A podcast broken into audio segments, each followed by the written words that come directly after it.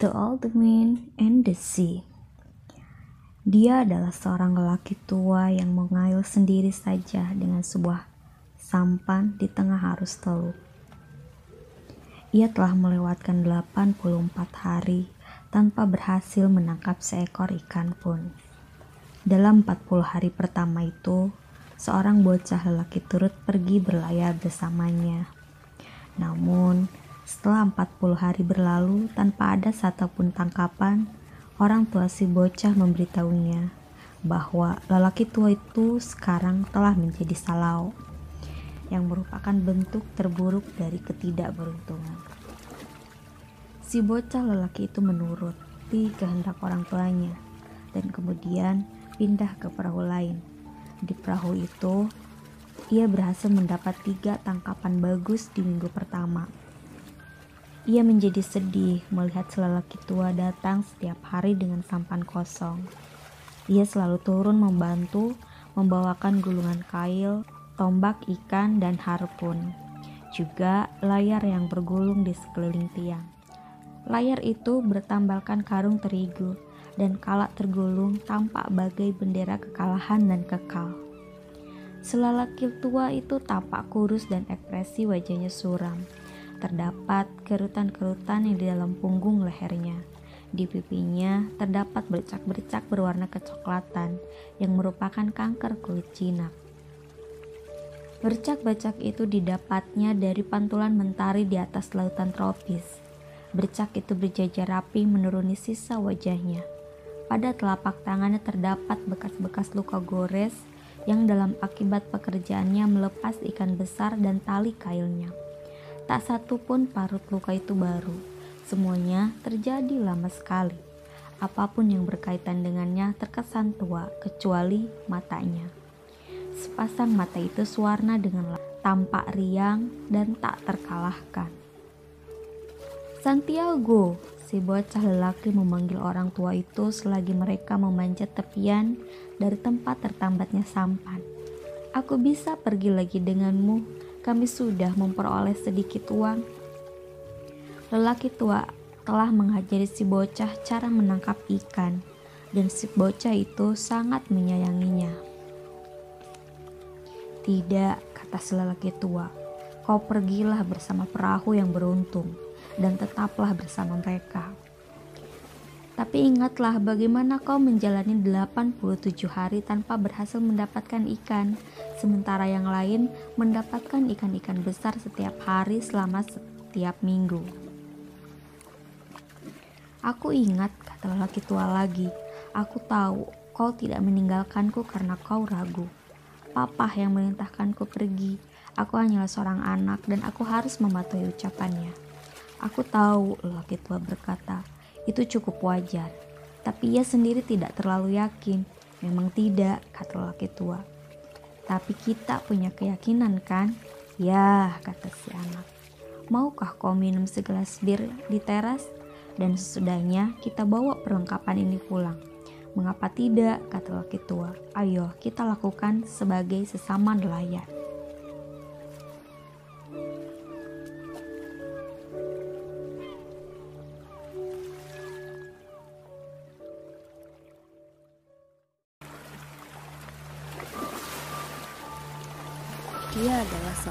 Lelaki tua yang mengayuh sendiri saja dan sebuah sampan di tengah arus teluk.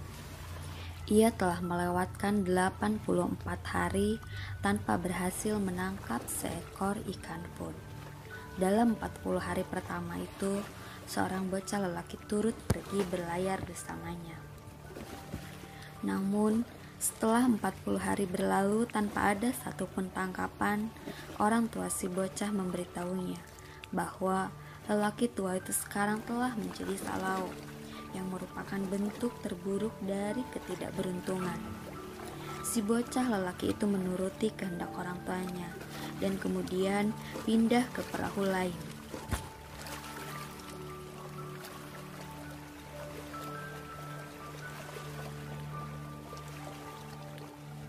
Di perahu itu, ia berhasil mendapat tiga tangkapan bagus di minggu pertama. Ia menjadi sedih melihat selelaki tua datang setiap hari dengan sampan kosong. Ia selalu turun membantu membawakan gulungan kail, tombak ikan, harpun, dan layar yang tergulung di sekeliling tiang. Layar itu bertambalkan karung terigu, dan kala tergulung tampak bagai bendera kekalahan dan kekal. Si lelaki tua itu tampak kurus dan ekspresi wajahnya suram. Terdapat kerutan-kerutan yang dalam di punggung lehernya. Di pipinya terdapat bercak-bercak berwarna kecoklatan yang merupakan kanker kulit jinak. Bercak-bercak itu didapatnya dari pantulan mentari di atas lautan tropis. Bercak itu berjajar rapi menuruni sisi wajahnya. Pada telapak terdapat bekas-bekas luka gores yang dalam akibat pekerjaannya melepas ikan besar dari tali kailnya. Tak satu pun parut luka itu baru. Semuanya terjadi lama sekali. Apa pun yang berkaitan dengannya terkesan tua, kecuali matanya.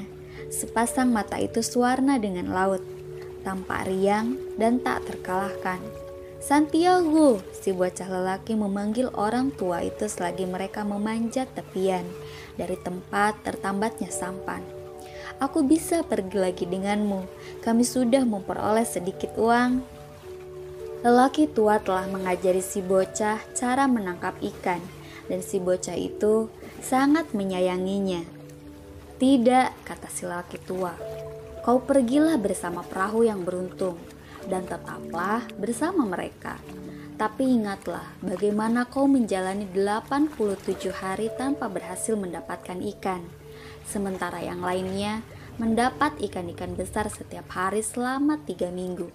Aku ingat, kata laki tua lagi, Aku tahu kau tidak meninggalkanku karena kau ragu.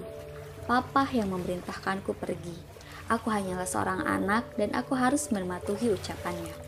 Aku tahu, lelaki tua berkata, itu cukup wajar. Tapi ia sendiri tidak terlalu yakin. Memang tidak, kata lelaki tua. Tapi kita punya keyakinan kan?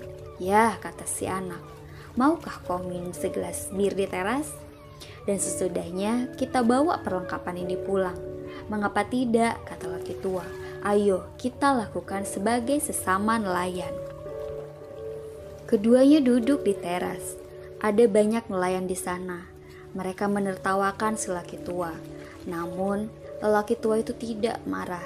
Nelayan lain yang lebih tua menatapnya dengan tatapan iba, tetapi mereka tidak menunjukkannya dengan terang-terangan mereka berbicara dengan sopan mengenai arus air laut, kedalaman kail yang mereka pasang, cuaca yang terus baik, serta apa-apa saja yang telah mereka lihat. Nelayan-nelayan yang sukses hari itu ada di sana dan telah menjagal ikan marlin mereka. Mereka lalu membawa ikan-ikan itu dalam gelaran di atas dua papan kayu dengan dua laki terhuyung-huyung di masing-masing ujung papan ke gudang ikan di mana mereka menunggu truk es untuk membawa ikan tersebut ke pasar di Havana. Mereka yang menangkap hiu telah membawanya ke pabrik pengolahan ikan hiu di sisi lain teluk. Hiu-hiu itu dikerek dengan katrol, dibuang hatinya, dipotong siripnya, dan dikuliti tubuhnya.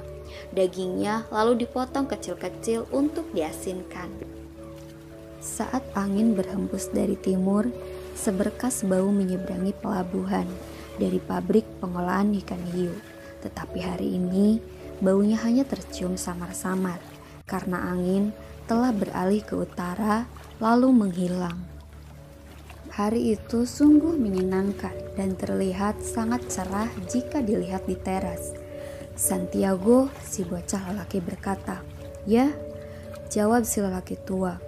Ia menggenggam gelasnya sambil merenungkan peristiwa yang menimpanya beberapa tahun lalu.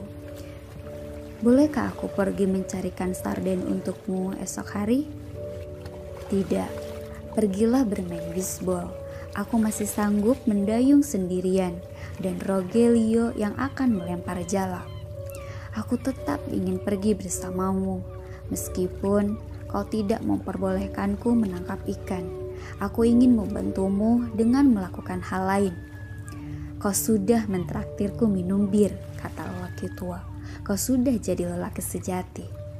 Berapa umurku waktu kau pertama kali mengajakku berlayar dengan perahu? Lima, dan kau hampir terbunuh waktu kubawa naik ikan terlampau cepat.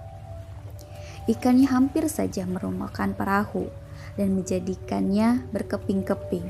Kau ingat? Aku masih ingat ekornya menampar-nampar, memukul-mukul, dan membuat palang duduknya patah. Aku bisa ingat kau melemparku ke haluan tempat gulungan kail basah dan merasakan perahu bergerak. Terdengar bunyi yang keras saat kau memukul ikannya, seperti bunyi menebang pohon. Lalu kurasakan bau darah di sekujur badanku. Kau memang benar-benar dapat mengingatnya dengan baik, atau aku yang mengatakannya padamu. Aku ingat jelas semua yang terjadi saat pertama kali kita pergi bersama. Lelaki tua itu menatapnya dengan mata yang terbakar mentari namun, tatapannya penuh percaya diri sekaligus rasa sayang. Jika kau ini anakku, akan kubawa kau berlayar denganku dan akan kupertaruhkan semuanya, katanya. Tapi kau bukan anakku, kau punya orang tua dan kau sangat beruntung. Bolehkah aku carikan sardennya? Aku juga tahu di mana bisa kudapatkan empat buah umpan. Aku masih punya sisa hari ini, kusimpan dengan garam di peti. Biar ku carikan empat buah yang masih segar. Satu saja, kata si laki tua. Harapan dan kepercayaan dirinya tidak pernah hilang. Tapi sekarang kembali segar saat angin sepoi-sepoi berembus. Dua, kata si bocah itu. Baiklah dua, lelaki tua setuju. Kau tidak mencurinya bukan? Tadinya aku berniat begitu, kata si bocah. Tapi ini aku beli. Terima kasih, ucap si lelaki tua. Ia begitu sederhana, namun ia heran sejak kapan ia memiliki kerendahan hati seperti itu. Tapi ia tahu ia memilikinya dan ia tahu itu bukanlah hal tercela dan takkan mengikis harga dirinya sebagai laki-laki sejati. Esok hari akan pasti cerah dengan arus seperti ini, katanya. Ke mana kau akan pergi? Tanya si bocah lelaki. Jauh keluar teluk agar aku bisa pulang saat angin berganti. Aku ingin sampai sebelum terang. Aku akan coba membuatnya keluar teluk, kata si bocah. Jadi, semisal kau menangkap ikan yang benar-benar besar, kami bisa datang membantu. Ia tidak suka bekerja terlalu jauh keluar, tidak, kata si bocah lelaki. Tapi aku bisa melihat sesuatu yang tak bisa dilihatnya seperti arah terbangnya burung dan membuatnya mengejar lumba-lumba. Seburuk itukah matanya? Ia hampir buta. Aneh kata laki tua. Ia tak pernah pergi mencari penyu. Itulah yang merusak matanya. Tapi kau mencuri penyu selama bertahun-tahun di pesisir pantai. Tapi hingga kini matamu bagus Aku lelaki tua yang aneh. Tapi apakah sekarang kau cukup kuat untuk menangkap ikan yang berukuran besar? Sepertinya iya, aku juga punya banyak trik. Ayo kita bawa perlengkapan ini pulang, kata si bocah lelaki, supaya aku bisa mengambil jala, lempar, dan menangkap sarden. Mereka mengambil peralatan dari perahu. Si lelaki tua memikul tiang sampan di bahunya. Sementara si bocah lelaki membawakan perahu kayu dengan kepangan tali kail coklat yang tergulung, tombak ikan, serta harpun dengan tangkainya. Peti berisi umpan ada di bawah butiran sampan bersama pemukul yang digunakan untuk menaklukkan ikan besar saat ditarik ke sisi perahu. Tak seorang pun akan mencuri dari selaki tua, tetapi lebih baik membawa pulang layar dan kail yang berat karena embun pasti akan merusaknya. Meskipun ia cukup yakin tidak ada warga lokal penting untuk membawa pulang tombak ikan dan harpun.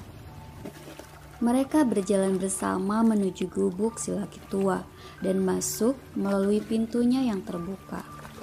Si laki tua menyandarkan tiang bersama layarnya yang tergulung ke dinding. Sementara si bocah lelaki meletakkan peti dan perlengkapan lain di sebelahnya.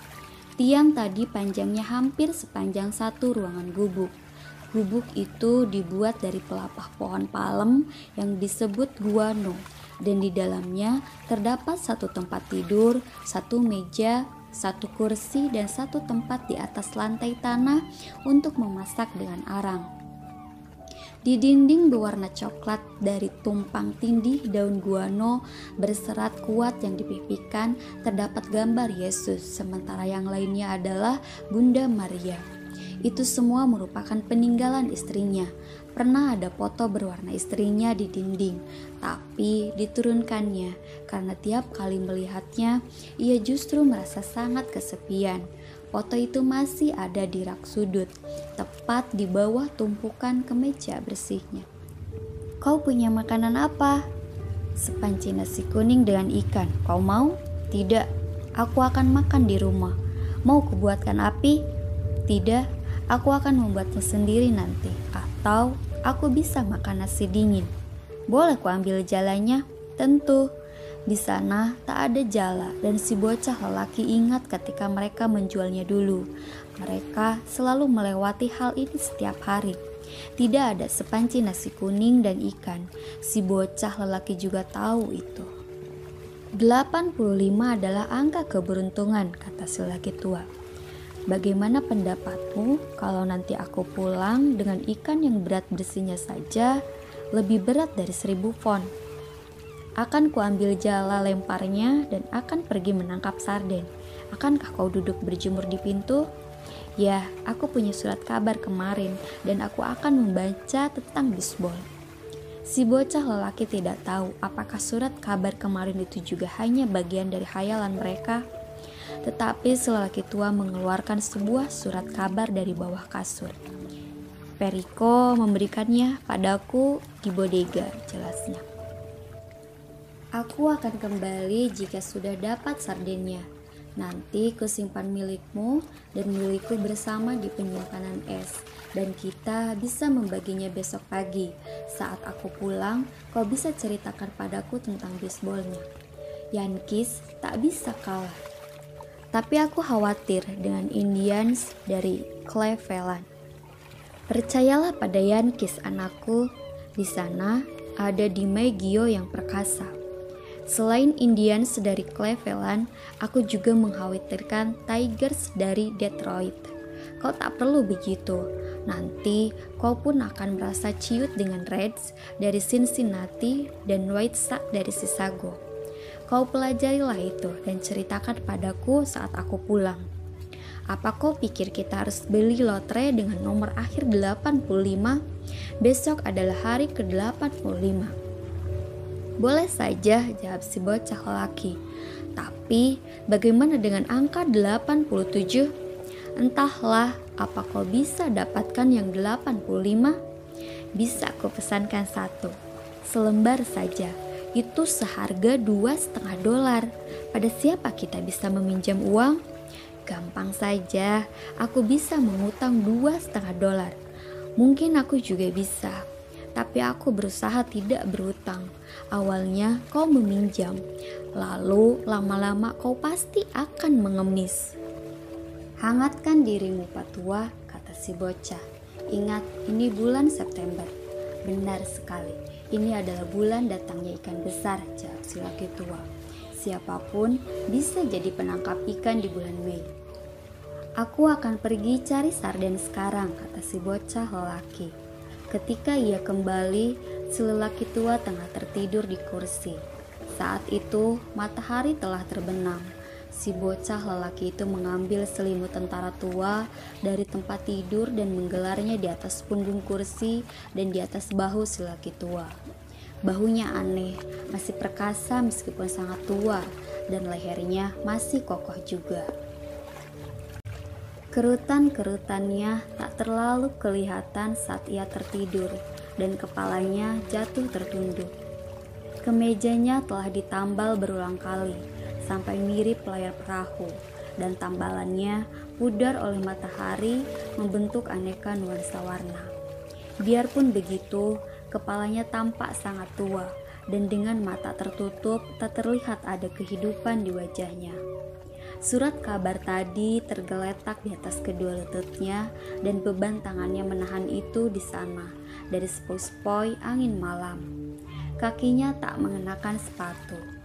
Si bocah lelaki meninggalkan si lelaki tua di sana Saat ia kembali, lelaki tua itu masih tidur. Bangun Pak Tua, kata si bocah. Ia meletakkan tangannya di salah satu lutut lelaki tua.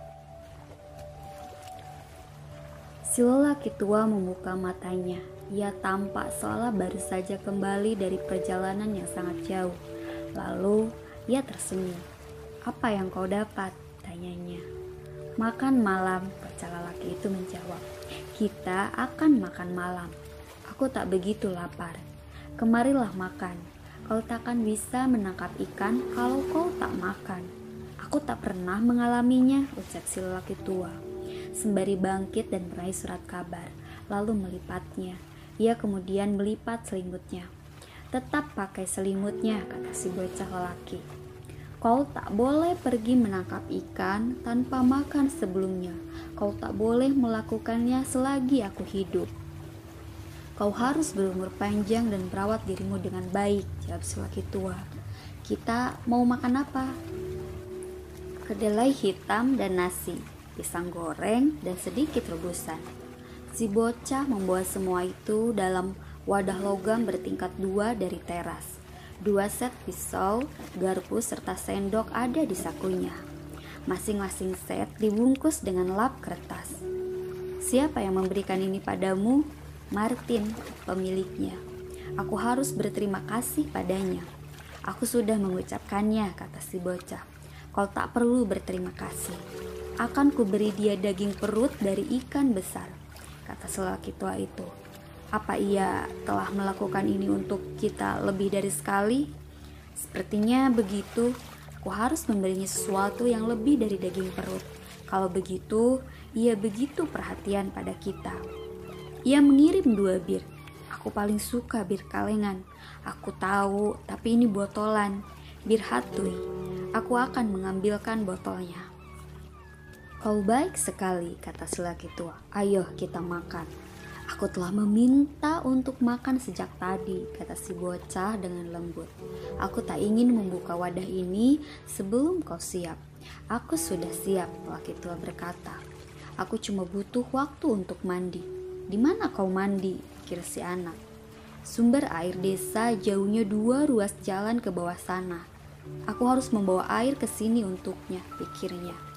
Serta sabun dan handuk yang bersih. Mengapa aku begitu tak pengertian?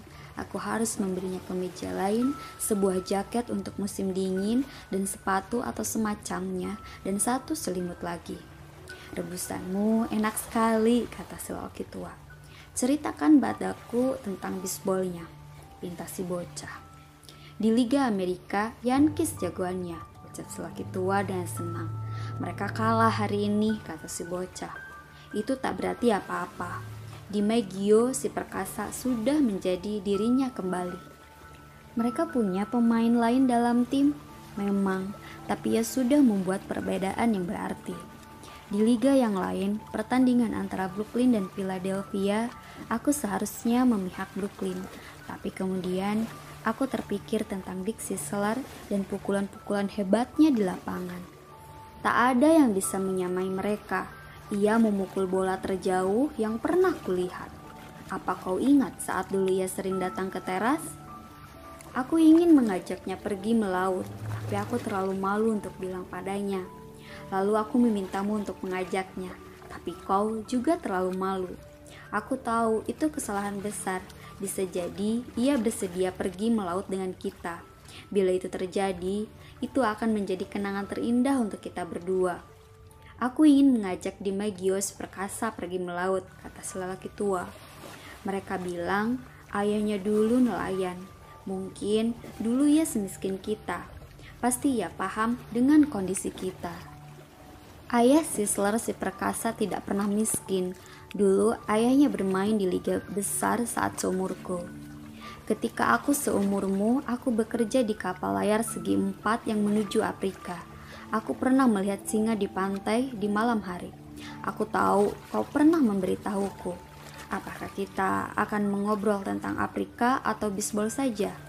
Sepertinya lebih baik kalau kita berbicara tentang bisbol, jawab si bocah lelaki. Ceritakan padaku tentang John G. McGraw, si perkasa.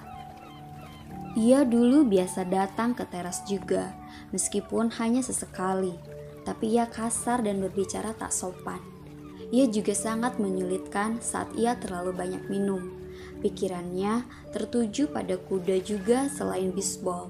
Ia membawa daftar-daftar kuda di dalam sakunya sepanjang waktu dan sering kali menyebutkan nama-nama kuda di telepon. Ia adalah manajer yang hebat, kata si bocah lelaki. Menurut ayahku, dialah yang terhebat. Karena ia yang paling sering datang ke sini, tua berkata. Jika Droiser dulu terus datang kemari setiap tahunnya, ayahmu pasti akan berpikir dialah manajer yang hebat. Menurutmu, siapa manajer terhebat sebenarnya? Lique atau Mike Gonzalez? Menurutku, mereka setara dan pemancing terbaik adalah kau. Ya, aku kenal orang yang lebih baik. Kueva kata anak lelaki. Ada banyak nelayan bagus dan beberapa yang hebat, tapi kau hanya ada seorang. Terima kasih, kau membuatku senang. Kuharap tak ada ikan yang begitu kuatnya sehingga kita terbukti salah. Tak akan ada ikan seperti itu jika kau masih sekuat yang kau katakan. Aku mungkin tak sekuat dugaanku, ucap lelaki tua. Tapi aku tahu banyak trik dan aku juga punya tekad yang besar. Kau harus pergi tidur sekarang agar kau merasa segar esok pagi. Aku akan kembalikan ini ke teras. Kalau begitu, selamat malam. Aku akan membangunkanmu di pagi hari. Kau ini jam bekerku, kata si bocah lelaki. Usia adalah bekerku, selaki tua menimpali. Mengapa orang-orang tua bangun begitu pagi? Apakah mereka melakukannya agar hari lebih panjang? Aku tak tahu, jawab si bocah. Yang aku tahu, lelaki muda tidur larut dan lelap. Aku masih ingat itu, kata si lelaki tua. Akan kubangunkan kau tepat waktu. Aku tak suka ia yang membangunkanku. Ia membuatku merasa seolah-olah aku ini bawahannya. Aku tahu tidur nyenyak patua Si bocah lelaki keluar.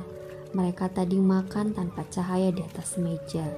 Selelaki tua melepas celana panjangnya dan pergi tidur dalam gelap. Ia menggulung celananya dan menggunakannya sebagai bantal, lalu meletakkan surat kabar di dalamnya. Ia menggulung tubuhnya di dalam selimut dan tidur di atas surat kabar lawas lain yang menutupi pegas-pegas kasur. Ia tertidur sebentar dan memimpikan masa mudanya saat berada di Afrika. Dalam mimpinya, ia melihat pantai-pantai keemasan yang panjang, pasir putih yang putihnya menyakitkan matamu, semenanjung yang menjulang, dan gunung kecoklatan yang tampak sangat megah. Ia kini tinggal di sepanjang pantai itu setiap malam, dan dalam mimpinya ia mendengar deburan ombak mengaum dan melihat perahu penduduk asli mengarunginya. Ia mencium bau tar dari dek selagi ia tidur. Namun, ia juga mencium aroma Afrika yang dibawa oleh semilir angin darat di pagi hari. Biasanya saat ia terbangun dari tidurnya, ia bisa membawa lembutnya angin darat. Ia segera berpakaian, lalu bersiap-siap untuk pergi dan membangunkan si bocah. Tetapi malam ini bau angin darat datang terlalu dini. Dalam mimpinya pun ia tahu itu, dan ia pun meneruskan mimpinya untuk memandang puncak putih pulau-pulau yang menjulang dari laut. Ia memimpikan pelabuhan yang lain dan pangkalan laut kepulauan Kanari.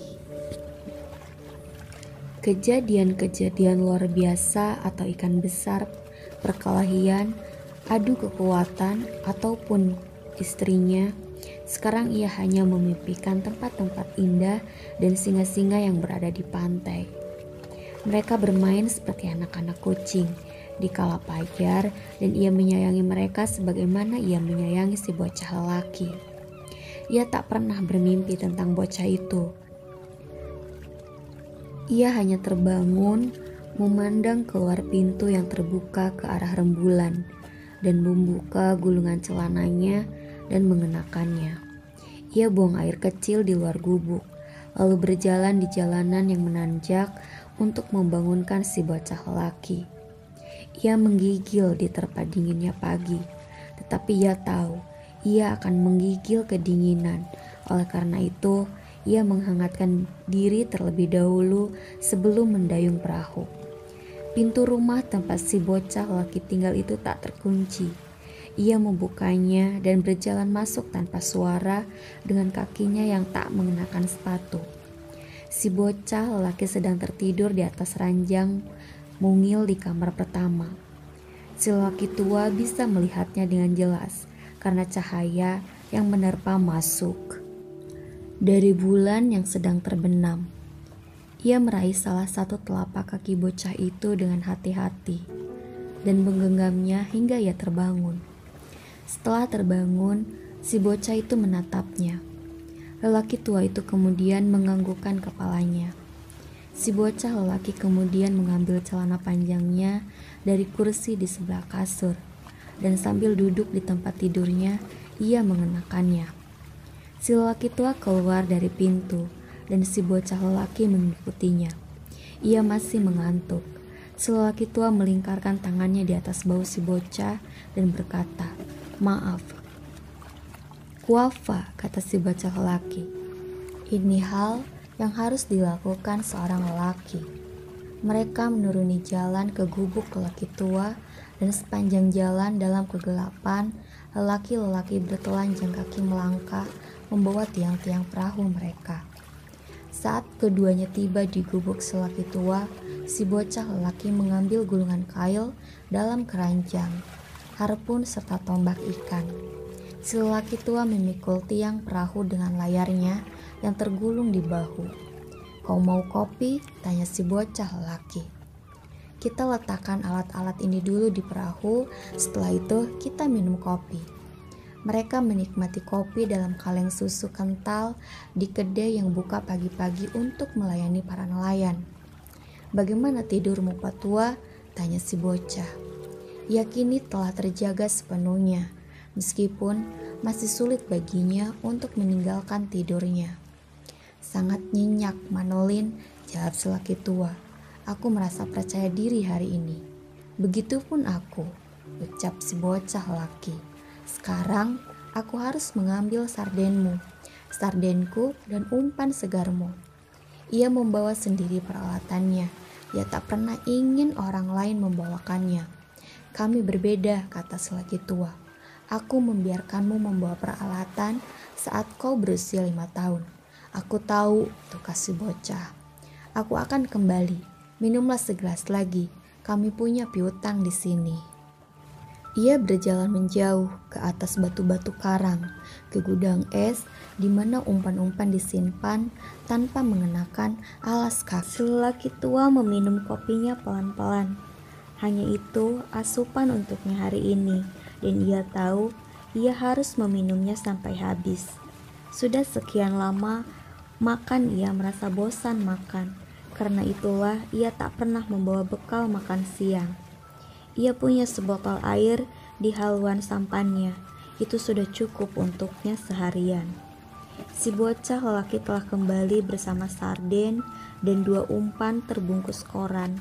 Mereka berjalan menuruni jalan setapak menuju sampan, merasakan pasir berkerikil di bawah telapak kaki mereka. Lalu mengangkat sampan dan meluncurkannya ke air. Semoga berhasil, Pak Tua. Ya, semoga berhasil, jawab lelaki tua.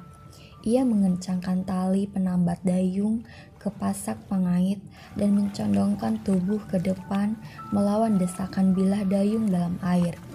Ia mulai mendayung keluar pelabuhan dalam gelap. Ada beberapa perahu lain dari pantai yang juga bergerak menuju laut. Selelaki tua itu mendengar bunyi dayung mereka meskipun ia tak dapat melihat mereka setelah bulan jatuh di balik bukit.